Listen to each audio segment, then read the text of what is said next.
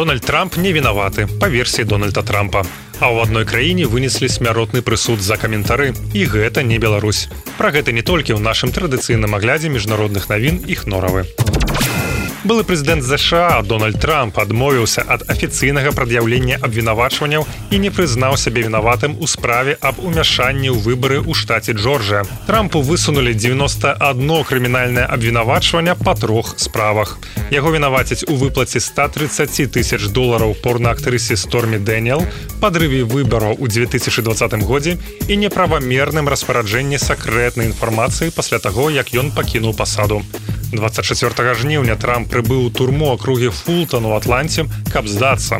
Яму прад'яўлена больш за дзясятак абвінавачанняў у сувязі за спробамі адмяніць вынікі выбараў. У выніку Трампа арыштавалі змясцілі ў турму акругі Фултон, дзе ён прабыў 20 хвілін. Там ён стаў першым прэзідэнтам злучаных штатаў, якому зрабілі турэмнае фото.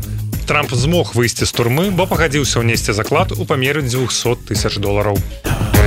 У саўдаўскай аравіі вынесены смяротны прысуд 54гадоваму настаўніку на пенсіі мухаммаду альгамдзі за пасты ў соцсетках суд прызнаў альгамдзі вінаватым у змове супраць уладаў і падрыве дзяржаўных інстытутаў грунтуючыся толькі на яго мірным выказванні меркаванняў у twitter і youtube Пра гэта паведаміла праваабарончая арганізацыя Human Right Watch. Згодна з яе інфармацыяй рашэнне прыняў спецыялізаваны крымінальны суд саўдаўскай аравіі 10 ліпеня. У якасці доказаў віны падсуднага ён прыцягнуў яго твіты, рэтвіты, а таксама актыўнасць у YouTube.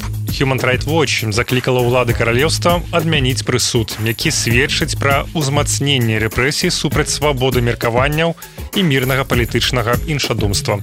Рэпрэсіі ў саудаўскай аравіі дасягнулі жахлівай новай стадыі, калі суд можа вынесці смяротны прысуд толькі за мірныя твіты. Заявіў эксперт арганізацыі па саудаўскай аравіі Джоі Шы.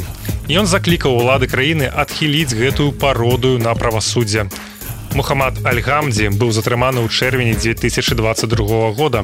Ён знаходзіўся чатыры месяцы ў адзіночнай камеры і быў пазбаўлены доступу да адваката і кантактаў са сваякамі.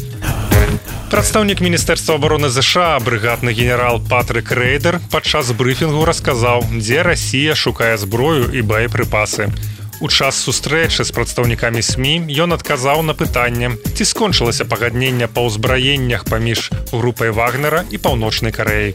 Вагнер па сутнасці скончыў сваю дзейнасць. Таму я думаю, што можна з упэўненасцю сказаць, што там не вядзецца шмат перамоваў.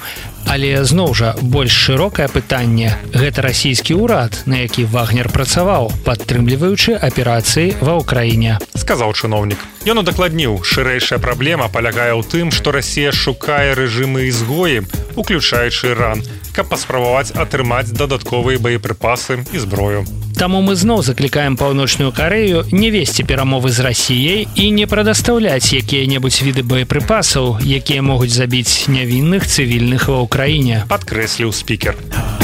НАСА показала, які след расійскі апарат мог пакінуць на месяцы. Апублікаваны здымак імавернага месца яго падзення. Аўтаматычную станцыю месяц 25 Расія ўрачыста запусціла ў жніўні.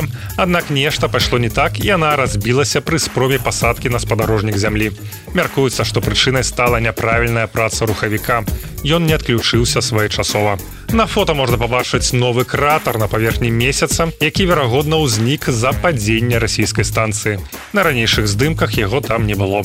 Новы кратар мае дыаметр каля 10 метраў і размешчаны прыкладна за 400 кіламетраў ад запланаванага пуску пасадкі месяца 25 на паўднёвым полюсе спадарожніка нашай планеты. Мехаслін іх норавы.